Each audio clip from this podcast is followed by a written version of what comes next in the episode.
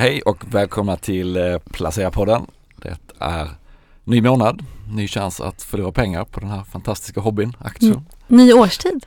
Nyårstid, sommaren är formellt slut. Även om det känns som att den till slut för ganska länge sedan kanske. Värdemässigt. Eh, med mig, Martin Blomgren, som sitter bakom en spak idag, har jag Daniel McPhee. Ludvig Lönngård. Och Elinor Bäcket. Hör ni, vad säger ni, ny månad, då skickar vi ju alltid ut eh, listan på de aktier vi tycker är mest spännande framöver. Och har ni gjort några byten? Japp. Jag plockade in Essity igen. Eh, som tidigare, det finns ju en liksom, strukturell väldigt lång trend. Men eh, nu, varför jag plockade in dem just nu var väl eh, tanken att förhoppningsvis lite marginalexpansion. Att råvaror, priset på råvaror kanske går ner lite men att de här höjda priserna håller sig kvar. Eh, så ja, det kanske är nu det, det Ja. händer för Essity. Vi får och se. är ett ganska defensivt val om det är Precis, om den här berömda lågkonjunkturen någonsin dyker upp i, på riktigt. exakt. Ja, Ja, jag har tagit in Balco då, som jag snackade om för några poddar du sedan. har pratat varmt om länge Ja, nu. Nu ska de in. Ja, nu ska de in, äntligen. Men de är ju så jäkla nedtryckta. Ja, Eh, Och det är inte konstigt för det är ju tuffa tider. De är ju en balkongtillverkare då. Eh, Och eh, 95% av kunderna är ju bos- eller 70% av kunderna är bostadsföreningar och ofta med bättre ekonomi.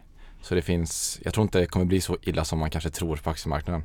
Men det är klart, det kan ju bli värre innan det blir bättre. Mm. Det kommer nog vara några tuffa kvartal här men jag tror att den kan vara köpvärd här om man håller några år och ja, kan ta lite risk.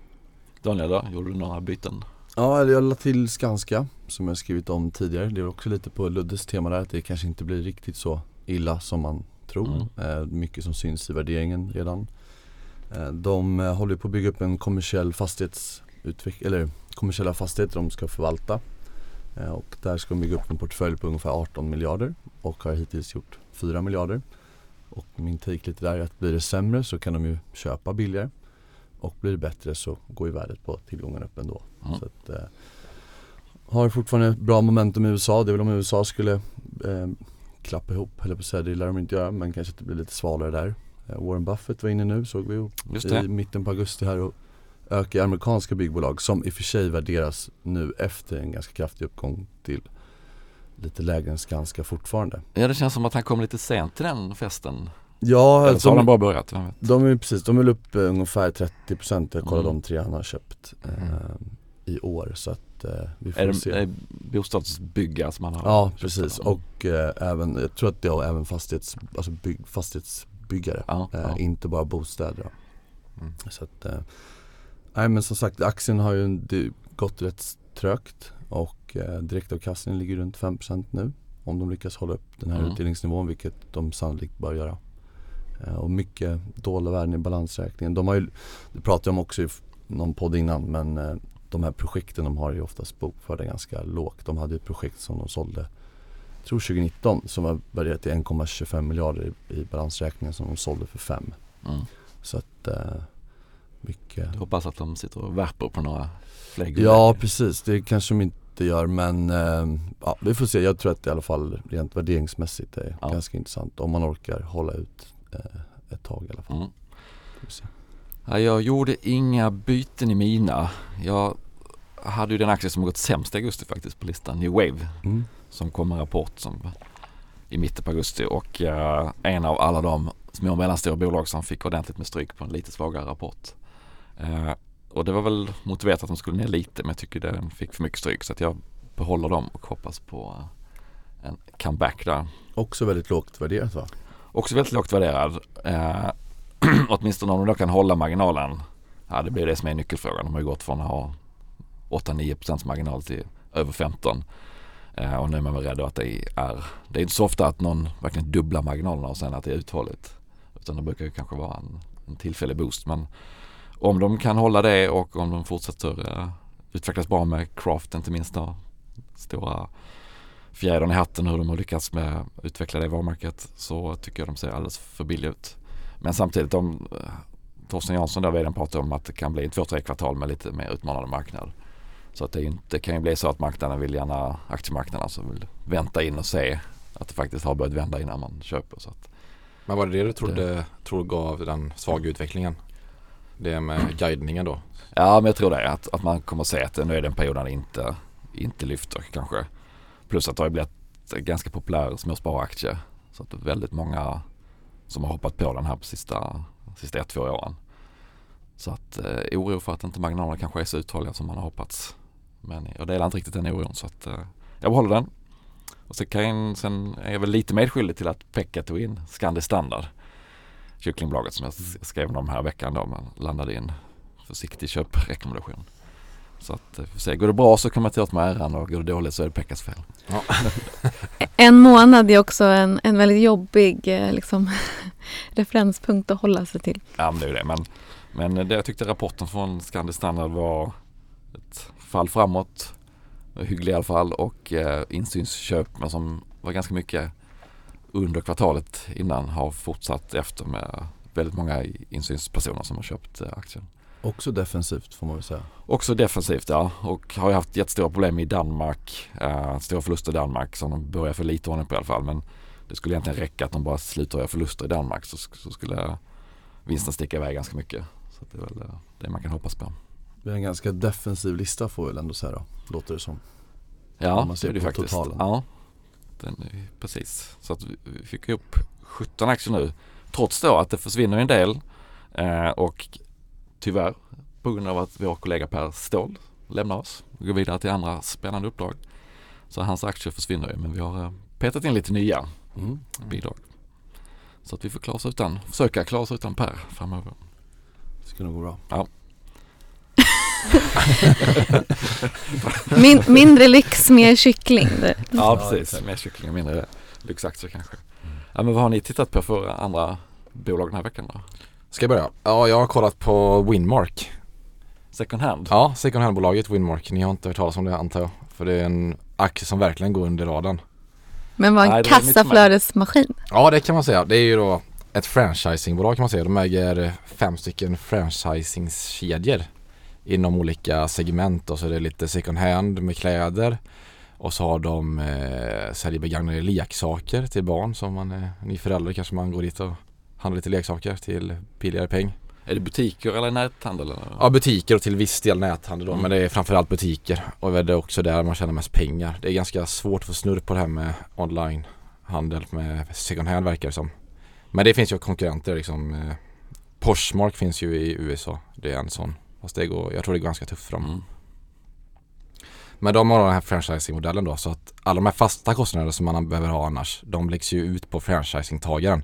Så det Winmark egentligen tjänar pengar på det är ju att ta de här royaltyavgifterna då då som tar kanske 4-5% av försäljningen som de här butikerna genererar då i försäljning och detta är 85% av den totala försäljningen. Och sen är det uppstartningsavgifter då att när en franchisetagare, franchisetagare ska starta upp någonting så betalar man en avgift till Winmark då. Så Winmark har bara in de här kassaflödena då. Så den fria kassaflödesmarginalen ligger på 50% så det är extremt bra avkastning på kapitalet. Och det gillar man ju. Mm. Ganska sådär, tänker jag, en strukturell trend också mm. att man ska Precis, jag gick inte in så mycket på artikeln men det är också en eh, strukturell trend med att man blir mer hållbart och att man ska återvinna kläder och använda dem på nytt. Mm. Och det verkar vara ganska poppis just nu. Jag vet att det är väldigt många som handlar på second hand. Framförallt tjejer då som de här satsar på då med vissa av de här kedjorna. Uh, och Dyrt, billigt. Alltså aktien, inte... Nej, inte billiga kläder så det är ju bra i så här konjunkturnedgång. Alltså det är snarare att de gynnas av, det är snarare kontracykliskt skulle jag säga. För att det är ju billigare. Men eh, aktien är väldigt dyr, den är upp 60% i år. Eh, och det är ju egentligen en ren multipel expansion. De värderas till 32 gånger eh, ja, vinsten, alltså P32 mm. och sen har de ev på 24 och snittet har ju legat under detta då. Så om vi skulle bara liksom komma tillbaka till det historiska genomsnittet så ska vi, då är det liksom nedsida på 30% 20% Och de växer inte så jäkla fort så det är inte så här att det är en snabbväxer utan det här är ju kanske ja, några procentenheter per år liksom. Men det som är intressant är att man bara kollar på omsättningstillväxten och ja, vinsttillväxten så är den ganska klen. Men om man kollar per aktie så blir det helt annorlunda. Eftersom att de köper tillbaka så mycket aktier. Eller har gjort det historiskt i alla fall. så blir det ganska mycket boostad i EPS och Mm. kassaflöde per aktie. Men är det för sent att hoppa på nu då eller vad tror du? Jag, jag skulle inte köpa den nu. Jag skulle nog vänta lite. Och sen är det väl lite hypat nu också när alla snackar lågkonjunktur också. Kan jag tänka mig att det är Mm. mycket småsparare som flödar in till den här aktien då. Och sen är det ganska, ganska speciellt management också. De har ju i princip inga så här långa presentationer. Det är ganska svårt att hitta information. Eh, påminner lite kanske om Constellation Software. Det är också så här svårt att hitta information eh, om bolaget. Och det snackas nästan inte någonting om det. De har liksom ingen IR-avdelning och sådär. Och väldigt korta vd-ord. Alltså det var liksom, ja det här året började bra. Sen är det slut. Det börjar bra, det slutar bra. Ja, Vem är det exakt. som äger det då? Vem är det som äger det då? Ja men det är framförallt insiders då så det är ju 20% insiders, insiderägande. Eh, och det gillar man ju. De sitter i samma Mm. båt som en själv. Men jag tror det var ännu mer innan för det var under, i början av 2000-talet så var ju det här nästan konkursfärdigt liksom. För då hade man ju dåliga franchisetagare som var olönsamma, man fick inte in de här pengarna och man hade egenägda butiker och det gick inte alls bra. Och då kom den här vdn in då, John Morgan då, som räddade hela bolaget och den här kulturen är kvar sen John Morgan verkar det som. Att man liksom är sparsam, noga med vilka franchisetagare som kommer in och kollar väldigt mycket på kassaflödena då. Och han var storägare innan då så det var ännu större insiderägare innan. Nu är han liksom, liksom kanske 85 bast liksom så han är inte kvar längre. Okej, men mer, mer att lägga på bevakningslistan än att köpa kanske? Ja, just nu i alla fall men eh, någon gång kommer man bli hatad förmodligen. Det blir väl alla aktier. kanske. Ja. Ja, så nej men lägg på be- bevakningslistan och vänta lite så ska det nog bli bra tror jag. Ja. För det är ett fantastiskt bolag. Fast i fel prislapp. Och Elinor, du har skrivit om eh, digitala apor eller? Precis. Det är de här aporna som får symbolisera eh, kryptotillgångar som ju Skatteverket väljer att kalla det. Det är både kryptovalutor men också sådana här eh, NFTs. Eh, sådana digitala konstverk eller bilder. Det. Eh, och Inte så det har varit... som de var. Förlåt? Inte så heta idag som de var för några år sedan. Nej precis. Det har ju varit, det var en jättehype eh, eh och nu har det liksom framförallt NFT-marknaden har ju totalt eh, imploderat. Så det finns säkerligen en och annan där ute som har en del förluster att göra. Om den så går att göra. Jag kan tänka mig att det där, vissa tillgångar till och med kan vara osäljbara faktiskt. Då kan man inte göra någon förlust. Men jag har i alla fall snackat lite med Skatteverket om eh, hur man går tillväga och eh, en, hur, eh, vad man gör. Det kan ju också finnas eh, vissa som har blivit av med sina kryptotillgångar. Om man till exempel blir hackad och sådär. Eh, då får man heller inte göra något förlustavdrag. Vilket kanske kan komma som en Mm, kalldusch. Ja. Så, men det kommer hända rätt mycket på det där området framöver. Eh, om några år kommer det vara, eh, precis som det är nu, att man får kontrolluppgifter från banken. Så kommer man även eh, kunna kräva det då, Skatteverket, från de här eh, plattformarna. Så det är en ganska, eh, det är ett område där det händer väldigt mycket. Man borde ju, om man inte kan sälja apan då borde man väl kunna sätta den i konkurs eller något tänker jag. Om man vill realisera förlusten. Är det någonting man? Eh, jag vet inte hur man sätter en apa i, eh, i konkurs. Nej men jag antar att du skulle kunna sälja den till typ ett öre eller Ja, någonting. det Någon borde väl eh, eh, köpa den. Eh, Ja. Men eh, det här blev ju då extra eh, aktuellt eftersom att eh, en, en ganska stor svensk satsning lades ner då här, häromveckan. Eh, och där det var, de hade ganska många eh, som hade in, investerat i, i deras NFTs. Men det lades alltså ner. De här bilderna lever ju kvar men Eh, och de här plånböckerna finns ju också kvar. Mm. Men många och väldigt stora förluster. Men om man lyckas sälja då så man kan visa upp att man har en transaktion. Hur funkar det? Får man dra av det då på skatten? Ja, det får man göra. Ja. Absolut. Eh, det som är lite speciellt med just kryptovalutor det är att vi säger att du rör de här miljöerna ganska mycket så kanske du köper, du kanske köper något spel eller något abonnemang eller till och med köpt en vara. Det är att varje transaktion eh, blir liksom skattepliktig. Och det kanske man inte tänker då när man sitter där och, och gör det. Så att Ja. det är inte bara om du växlar, det är inte bara om du köper och säljer, eller om- inte bara om du säljer, utan även om du då köper ett par skor så måste du eh, eh, redovisa den vinsten eller förlusten på din kryptovaluta. Så ja, lite mycket pappersarbete.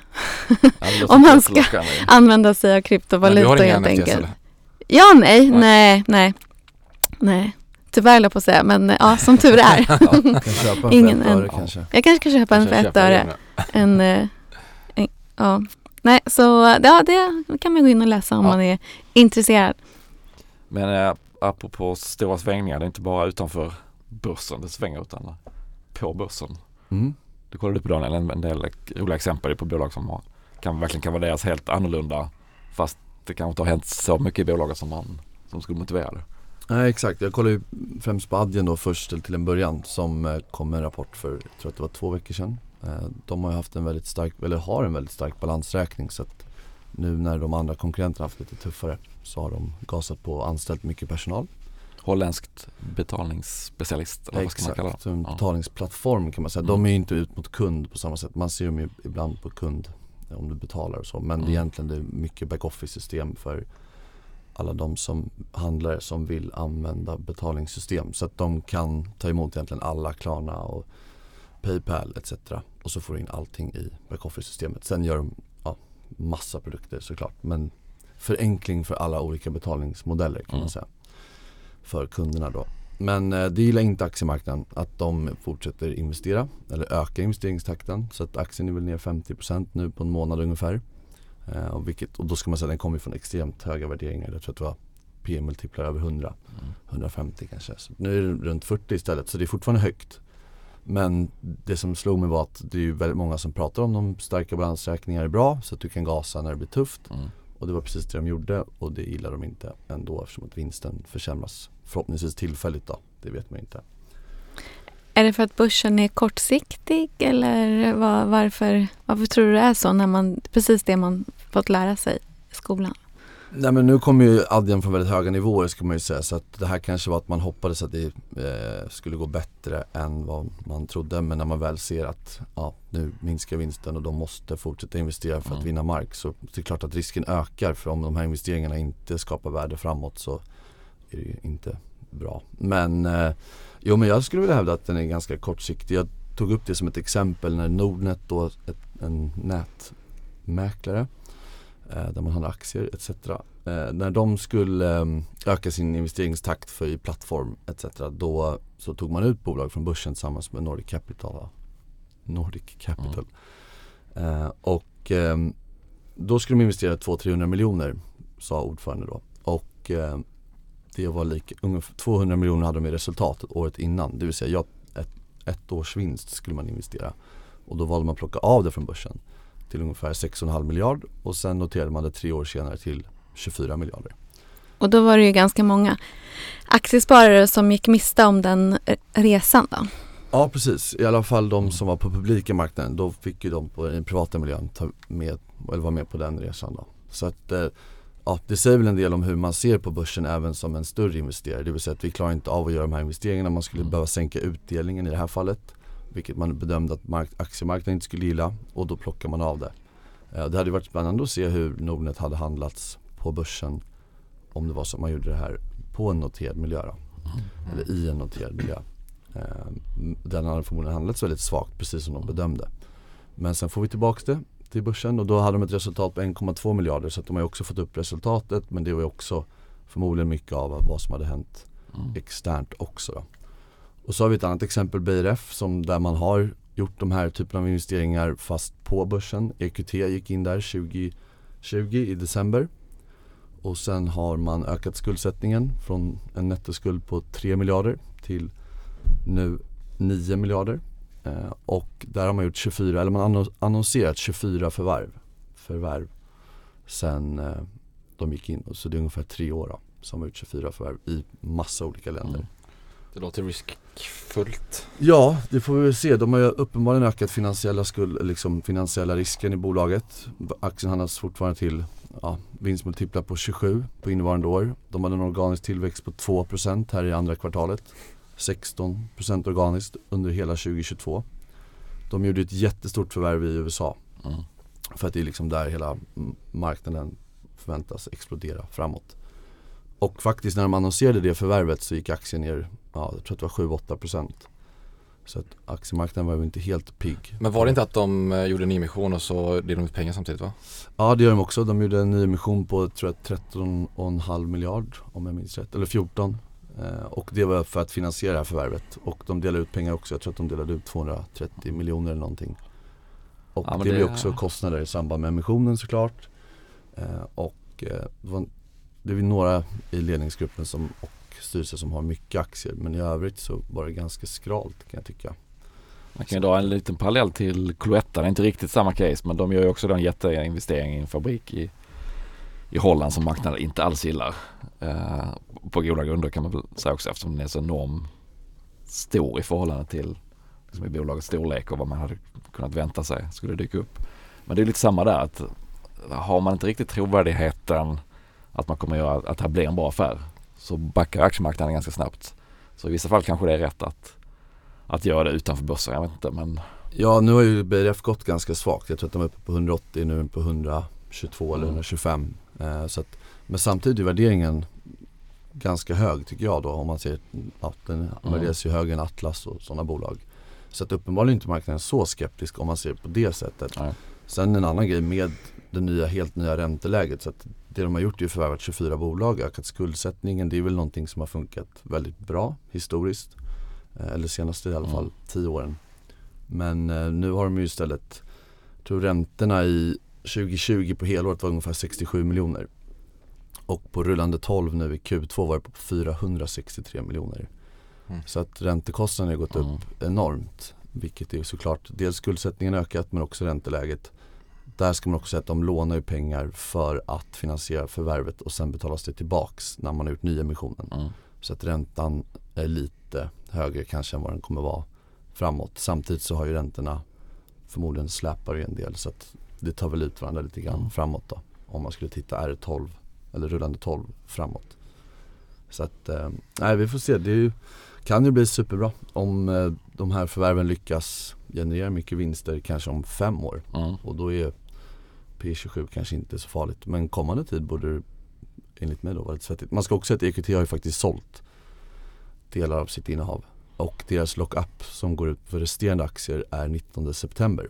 Så att Right. vi får se om tre veckor. Ha lite koll på. Mm. Och Mm. när de sålde nu senast då så gjorde de det med 7% rabatt. Så att ehm, jag tror de sålde för 5 miljarder eller någonting. Mm. Så att, eh, nej men det kan vara bra att vara lite vaksam på. Och framförallt om man äger den och veta att det går en lock-up nu 19 Mm. och att skuldsättningen ökat så mycket och att det gjort så mycket förvärv. Eh, även om det såklart kan bli bra långsiktigt. Så om man sitter och funderar på att köpa nu då kanske man ska vara lite is i magen och se om den får sig en köra i samband med det. Ja, jag hade inte haft bråttom. Nej. Men eh, samtidigt är det ju bra bolag med bra strukturell trend. Eh, så de har en ny. VD sen EQT gick in och bytt CFO två gånger kan man också nämna. Så att det är väl något, Mm. en satsning så får man ju se hur det blir. Men eh, ja, uppenbarligen börsen lite volatil när det kommer till hur man ska värdera och vad Ja. man gillar. Gas Nej men du är inne på ränteläget där. Jag kollar lite Mm. på utdelningsaktier. Eh, som ju många tycker om på börsen. Mm. Men det är ju det är ett annat läge när man kan få 3,5-4% ränta kanske utan att binda pengarna speciellt länge, helt riskfritt. Att då köpa utdelningsaktier som ger 4-5%. När skillnaden är så liten så blir det inte riktigt lika attraktivt. Eh, så jag kollade på en, en utdelningsportfölj som jag tog fram för ett år sedan. Fiktiv ett förslag bara på tio nordiska bolag som, som borde ha hyfsad, hyfsade odds för att faktiskt inte behöva sänka utdelningen. Eller att infria analytikernas prognoser i alla fall. Eh, så jag gjorde en liten tillbakablick, kollade hur de hade gått. Väldigt spretigt kan man väl säga. Telia till exempel ner 40% Core 43 procent. Eh, medan Volvo upp lite drygt 30 procent. Eh, så summerar man ihop allting så på de prognoserna som låg då så skulle man få nästan 7 i direktavkastning. Och alla har, förutom Electrolux i princip, PAFs blev lite lägre än väntat. Alla har i princip levererat vad, vad man kunde förvänta sig. Så att direktavkastningen har ju varit drygt 6% om man köpte den här portföljen. Men däremot så har aktiekurserna varit ganska wobbliga. Så att eh, totalt inklusive utdelningar man har fått så, så är man upp ungefär 2% på ett år. Och börsen, ett återinvesterande index på börsen har gått upp 11% ungefär. Mm. Så att det är sämre, än- sämre än börsen även om det är plus. Kan man väl sig att det kanske är lite lägre risk i de här då än, än börsen som helhet. Men äh, ingen, ingen sån här riktig raketportfölj blev det ju. Men när det är låga räntor då ska man ju äga tillväxtaktier som kommer bli, då blir det lite så här, ska man aldrig äga nej. högutdelande aktier? Nej men det finns ju många som vill ha högutdelande aktier, stiftelser och så här till exempel som vill Ja. ha utdelningen för att kunna betala ut till eh, ja, stipendium eller liknande. Och många privatpersoner vill ha det för att få kassaflödet. Så min, min take är nog ändå att om man har köpt en, den här portföljen eller en liknande liksom högavkastande portfölj så, har, så tror jag ändå att de flesta bolagen kommer att fortsätta kunna dela ut. Så man kan sitta ganska lugnt i båten och så får man bara liksom vara beredd på att det svänger i, i vissa bolag. Och Eh, några av de där tänker jag nu kan man ju alltid säga om du inte hade gjort så men eh, det finns ju om du inte hade haft en sån där stor drawdown, alltså en aktie som gått ner riktigt mycket så Ja. hade väl utvecklingen på den här portföljen varit väldigt bra, framförallt exklusiverat då. Ja, och även trots den här då, Electrolux ställde ju in utdelningen. De hann lämna en eh, del av sin utdelning innan de stä- ställde in det i våras. Men trots då att, att det har varit de besvikelserna så får man då alltså mer än 6 direktavkastning Mm. om man köpte för ett år sedan. Och köper man samma, de här 10 bolagen man kan läsa artikeln på Placera, så är det 7,4 procents direktavkastning om, vinst, om utdelningsprognoserna från analytikerna håller. Mm. Så att är man utdelningskramare även med de här räntorna så finns det ju ganska många bolag med hög direktavkastning att hitta. Vilken av aktierna var det som gick bäst totalt sett? Ehm, det här är Volvo faktiskt som ju har tagit för vana att lämna extra utdelning här. De har ju väldigt stark balansräkning. Ehm, förväntas lämna 15 kronor utdelning framåt vilket är 7% ungefär. Ehm, men de- är upp 42 om man lägger tillbaka utdelningarna Oj. på ett år. Då. Mm. DNB, Norska banken, också bra. Eh, vilka är det mer som gick upp? Tokmanni, 20% upp inklusive utdelningar. Och du har fått lite euro där kanske? Lite euro, ja precis. Perfekt. här har jag bara tagit i Ja. lokal valuta så att, Mm. eh, lite boost där.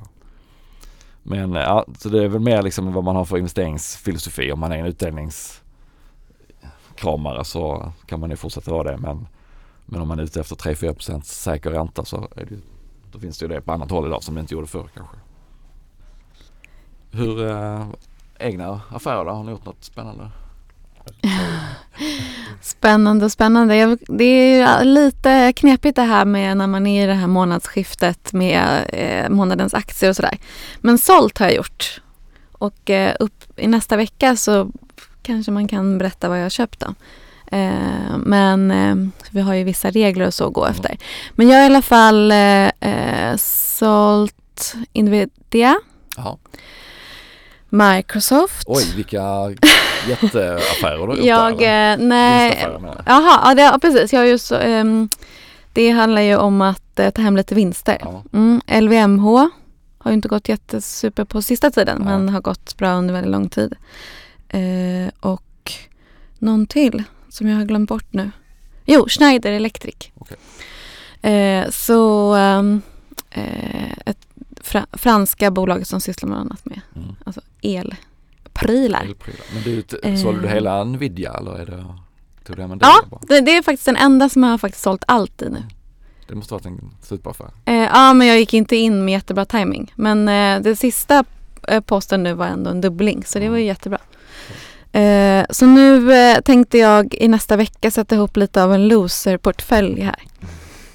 Så får vi se. Så jag får återkomma vad det blir då. Vad tror du är Men, för tema på köpen där? Är det någon sektor du letar efter? Eller? nej men temat blir ju svenskt småbolag eh, och eh, väldigt så här, o, eh, oomtyckta eh, bolag med, med eh, ändå bra kassa. Det, det blir temat. Så, de, så. Alltså du ska kö- köpa bolag som har gått kass? Ja, jag tänkte det. Ja, Tänker du? ja. Mm. Så kommer det säkert vara en jättejobbig resa.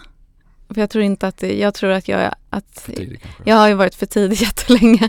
Så jag kommer säkert fortsätta vara det ett tag till. Men eh, stor- jag tycker att det är lite roligare att vara för tidig än för sen. Om de har stora kassor kanske bolagen har gått ganska bra men att aktierna har gått jättedåligt. Ja, eller att de liksom klarar av det Mm. lite, ett litet tag. Eh, och att det finns sådana, apropå det som du har pratat om, att det blir, finns ju en viss opportunism i den här typen av miljö också. Som man kanske kan utnyttja. Eh, så ja, det är jag. Så jag, eh, jag, jag får helt enkelt, jag rapporterar mina försäljningar och återkommer om mina köp. Ja. Mm. Ludvig Lönngård? Jo, jag har fyllt på lite Brunello Cucinelli som jag gillar. Kashmir eh, diskret lyx, eh, Mm. litet bolag i Italien. Så lite emot eh, Elinora kanske. Ja. Men eh, värderingen är fortfarande hög så Men det, de släppte en jäkligt bra rapport nu faktiskt för några dagar sedan här. Så aktien var väl upp kanske 7% och sånt där på rapportdagen. Så jag fortsätter väl att lassa på där när det ges tillfälle. Tanka. Ja, Tanka Kashmir. exakt. Du, är ser helt blank ut nu. Ja, jag känner mig som en papegoja men eh, vad heter det Återigen då så måste man ha med att jag har belåning i portföljen så att man kanske är lite mer eh, försiktig på något sätt Eller jag är inte försiktig så jag måste vara mer vaksam Ja, vad jag ja. håller på med eh, Men eh, jag har sålt ner igen lite lite i CTT för Mm. att ta fram lite likvider och sålt ner lite i Alfen eh, som är då det nederländska bolaget som jobbar inom eh, energilagring bland annat. Inte en Nvidia-affär utan tvärtom. Jag har väl gått ner 25-30% men den halverade jag och sen så har jag faktiskt köpt Collector i- som jag ägde innan eh, som jag har ökat i då här i Men de är ganska bra va, Collector? Mm, tyvärr köpte jag dagen efter som det kom ut att Erik Selin hade köpt, eller ökat på. Så att eh, han var före mig. Ehm, så att aktien hade väl, gick väl ganska starkt dagen efter där. Men eh, jag fyllde på lite i mitt förra innehav. Mm. Så att eh, det är ett litet, ganska hatat bolag så att det är kanske något för Elinor nästa vecka, vi får se. Mm. ja. Nej, Det- Den köpte Vi du inte. jag får fundera. Men ja, nej så det har jag gjort. Du du Martin? Eh, tänker efter, nej jag har inte gjort någonting. Jag köpte en Electrolux diskmaskin Mm. Mm. Ah. eftersom den gamla gick sönder. Som de gör ibland. Ja. Eh, men inga aktier. Men så att eh, försäljningen kommer inte vara noll i alla fall för Electrolux det här kvartalet. Nej. Så mycket vet vi. Men du sitter ju fortfarande på en stor kassa då antar jag? För senast vi poddade det var ju Eller jag poddade med det i alla fall Det var innan sommaren och då hade du en stor kassa Nu vet jag inte vad du har gjort sen dess nej, men- jag har nog köpt lite. Så Afry köpte jag för några veckor sedan. Köpte lite andra småbolag också. Men det var länge sedan alltså. Så jag har inte gjort sånt nu på två, tre veckor i alla fall. Du har inte bottenfiskat i New Wave än? Nej, det har jag inte heller. Men jag har den sen tidigare. Mm. Så Kör eh, räntekonto nu kanske. Precis. Nej men jag har legat lite lågt men eh, Mm. jag skulle gärna biffa på på lite småbolag sådär tror jag också under hösten men det är Augusti brukar vara lite halvskakig månad men det brukar även september och oktober så det brukar kunna komma bra läge under hösten också. Man kanske inte ska gå in med allt på en gång. Man kanske ska gå in lite stötvis. Ja, jag tänker att jag ska ha kvar lite firepower. Till skillnad mot Daniel. Mm. Men vi får se. Ja, jag får shapea till mig. Jag får ha något nytt komma med nästa, nästa gång kanske då. Men inga affärer den här veckan. Skönt Bra, ska vi Ja. tacka för den här gången? Mm. Trevlig helg! Ja, trevlig helg. Trevlig helg.